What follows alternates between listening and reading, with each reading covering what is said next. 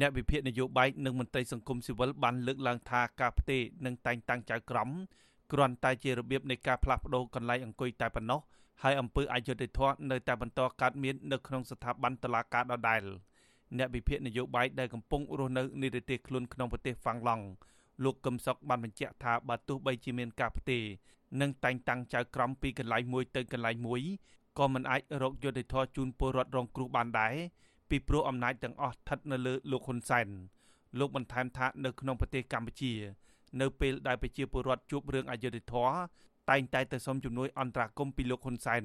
គឺមានន័យថាប្រព័ន្ធយុត្តិធម៌ជាតិទាំងមូលស្ថិតនៅក្នុងកណ្ដាប់ដៃលោកហ៊ុនសែនដូច្នេះបើទោះបីជាមានការផ្លាស់ប្ដូរចៅក្រមនិងប្រធានតឡាការក៏ដោយក៏គ្មានន័យអ្វីដែរពីព្រោះមេដឹកនាំរដ្ឋកម្ពុជាដែលមានតួនាទីជានាយករដ្ឋមន្ត្រី ឡើងទៅកាន់តំណែងដោយការរំលោភច្បាប់រដ្ឋធម្មនុញ្ញដែលជាច្បាប់កម្ពុជារបស់ជាតិទៅហើយគឺឡើងទៅកាន់តំណែងដោយអំពើអយុត្តិធម៌ធ្ងន់ធ្ងរដូច្នេះរាល់ការតែងតាំងនៅក្នុងស្ថាប័នជាតិទាំងអស់ទាំងនៅក្នុងស្ថាប័នតុលាការមានព្រះរាជាអាជ្ញាចៅក្រមជាដើមនេះគ្រាន់តែជាការព្យាយាមពង្រឹងកម្លាំងអំណាចបពុរបស់ខ្លួន ក្នុងអង្គការតុលាការតែប៉ុណ្ណឹងទេ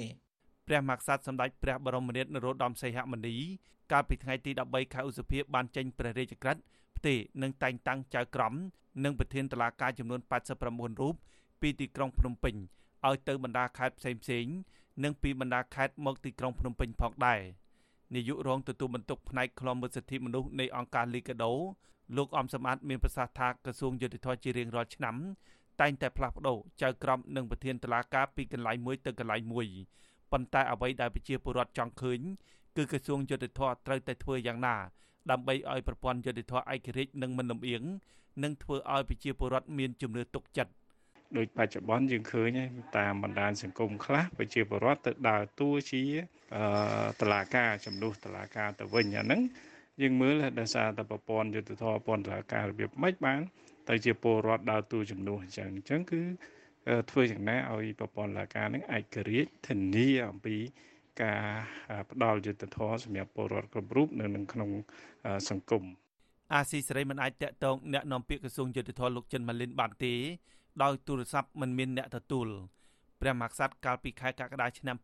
2020បានប្រកាសតែងតាំងចៅក្រមថ្មីចំនួន39រូបដើម្បីបំពេញការងារនៅសាលាដំបងខេត្តចំនួន20និងព្រះរាជអាជ្ញា15រូបដើម្បីបំពេញការងារនៅតំណាងអัยការសាលាដំបងខេត្តចំនួន14ក្នុងចំណោមចៅក្រមនិងព្រះរាជអាជ្ញាថ្មីទាំងអស់នោះមានសិទ្ធិទទួលបានប្រាក់បៀវត្សជាមូលដ្ឋាន និងប្រាក់ឧបត្ថម្ភផ្សេងៗទៀតតាមច្បាប់កំណត់ ពួកគាត់នឹងទទួលបានសិទ្ធិទទួលបានប្រាក់ឧបត្ថម្ភផ្សេងៗនិងសិទ្ធិឡើងឋានន្តរស័ក្តិឬឡើងឋានៈដែលត្រូវគិតចាប់ពីខែឧសភាឆ្នាំ2020នេះតទៅប្រព័ន្ធតុលាការនៅក្នុងប្រទេសកម្ពុជាធ្លាប់បានទទួលរងការរិះគន់ ពីសហគមន៍ជាតិនិងអន្តរជាតិចំពោះអំពើពុករលួយ